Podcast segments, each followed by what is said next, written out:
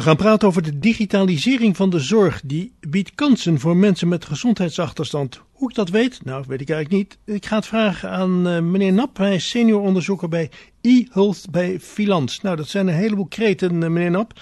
Uh, maar de digitalisering van de zorg, die eh, biedt kansen. leg uit. Ja, kijk, wat we nu ook weten uit uh, een, een, document, ook nu, een onderzoek van de Raad voor de Volksgezondheid en Samenleving. Mm -hmm. Dus eigenlijk dat, dat miljoenen Nederlanders ja, toch wel beperkte digitale vaardigheden hebben, of laaggeletterd zijn. Ze hebben moeite met uh, begrijpend lezen bijvoorbeeld. Het kan ook zijn dat ze geen smartphone hebben, uh, toegang tot internet, dat soort taken. Mm -hmm. en wat we weten is dat er ook een grote groep tussen zit ja, die een gezondheidsachterstand heeft. En eigenlijk als je kijkt naar ja, digitale zorg of zorg op afstand, hè, en, en, dat kan zelfs al door middel van bijvoorbeeld beeldbellen, ja. uh, of misschien uh, een medicijncontrole op afstand. Uh, ja, juist mensen met een gezondheidsachterstand die kunnen het meeste baat hebben bij dergelijke technologie. En eigenlijk ja, in, in coaching of, misschien ook monitoring, mm -hmm. sociaal contact met mensen. dus dat is ergens wel een gemis. Ja, want als ze digitaal niet vaardig zijn, dan missen ze een hoop.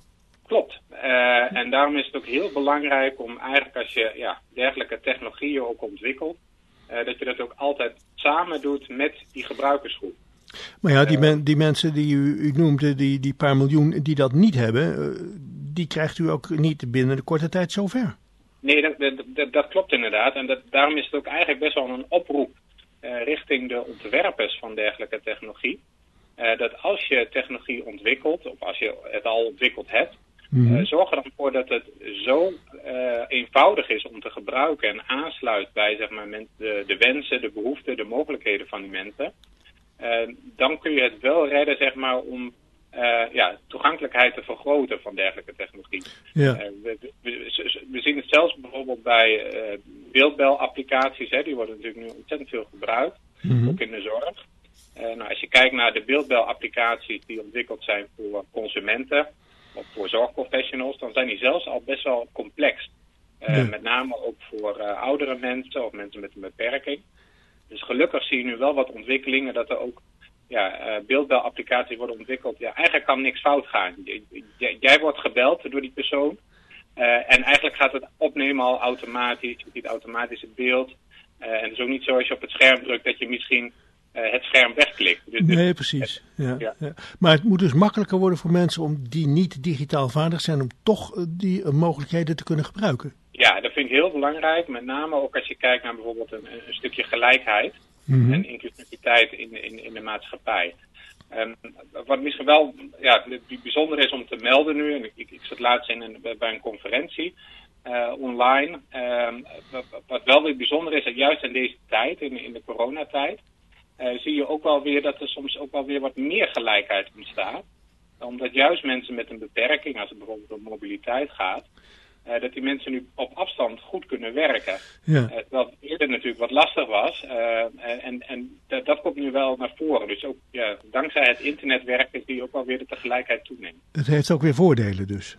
Ja, ja, waar we nu, waar, in de situatie waarin we nu zitten. Maar ja, nogmaals, als je geen smartphone hebt, kan je ook niet beeldbellen dus. Nee, dat klopt. Dus, dus, dus uh, en een voorwaarde is natuurlijk dat je de, de middelen hebt zeg maar, om uh, het contact te, te, te, genereren. Gelukkig zijn er wel uh, steeds meer mogelijkheden, ook bijvoorbeeld mm -hmm. via de WMO, via de gemeente, ja. maar ook via bijvoorbeeld de zorgverzekeringswet, dat, dat mensen toegang hebben tot bepaalde applicaties of, of hulpmiddelen. Die voor een deel vergoed worden. Dus, dus daar zie je wel een, een, een kentering in. Dus er wordt eigenlijk steeds meer ja, digitale zorg vergoed.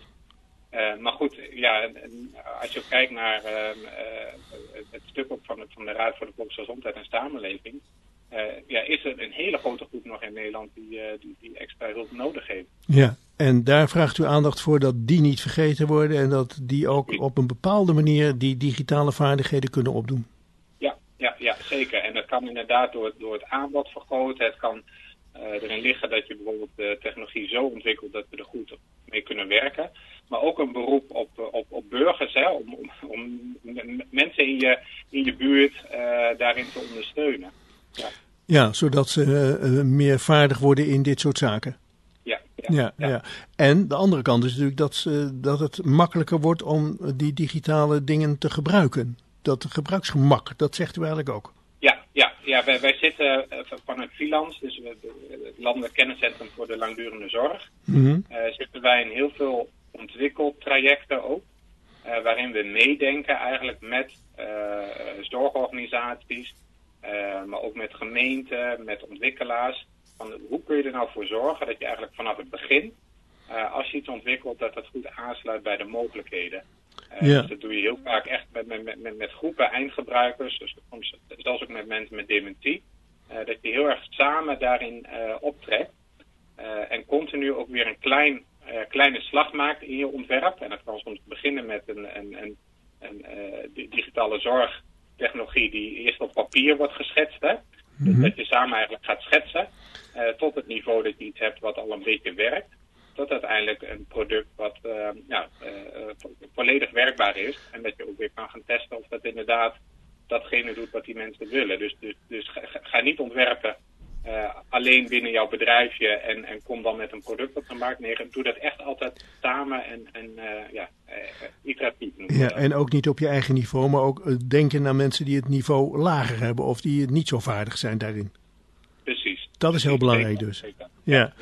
ja. als mensen daar meer over willen weten, want ja, je kan er zelf weinig aan doen. Het moet komen van degene die het maken, denk ik. maar als mensen wat meer willen weten daarover, kunnen ze bij jullie op de website terecht? Ja, zeker. Dus als je naar filans.nl gaat, mm dan hebben we daar vrij veel informatie staan, ook over nou, hoe je dat ontwerpproces aanpakt. We hebben ook een, een scan online gezet over digivaardigheden in de zorg. Dan kun je eigenlijk ook zelf gaan scannen van waar sta ik nou eigenlijk? ben ik al heel digivaardig of, of misschien nog niet? Mm en we hebben allerlei ja, online hulpmiddelen, trainingsmogelijkheden. Uh, om mensen ook digivaardiger te maken. Dus via onze website kun je al heel veel informatie daarover vinden. Dan is het een mooi begin om digitaal vaardiger te worden, is de website van Filans.nl. Henk Herman Nap, senior onderzoeker e-health bij Filans. Dank voor het gesprek en heel veel succes met het vervolg, want we zijn er nog niet, hè? Nee, nee, we, zijn op weg. Zo is dat. Dank u wel. Ja. Dank u wel.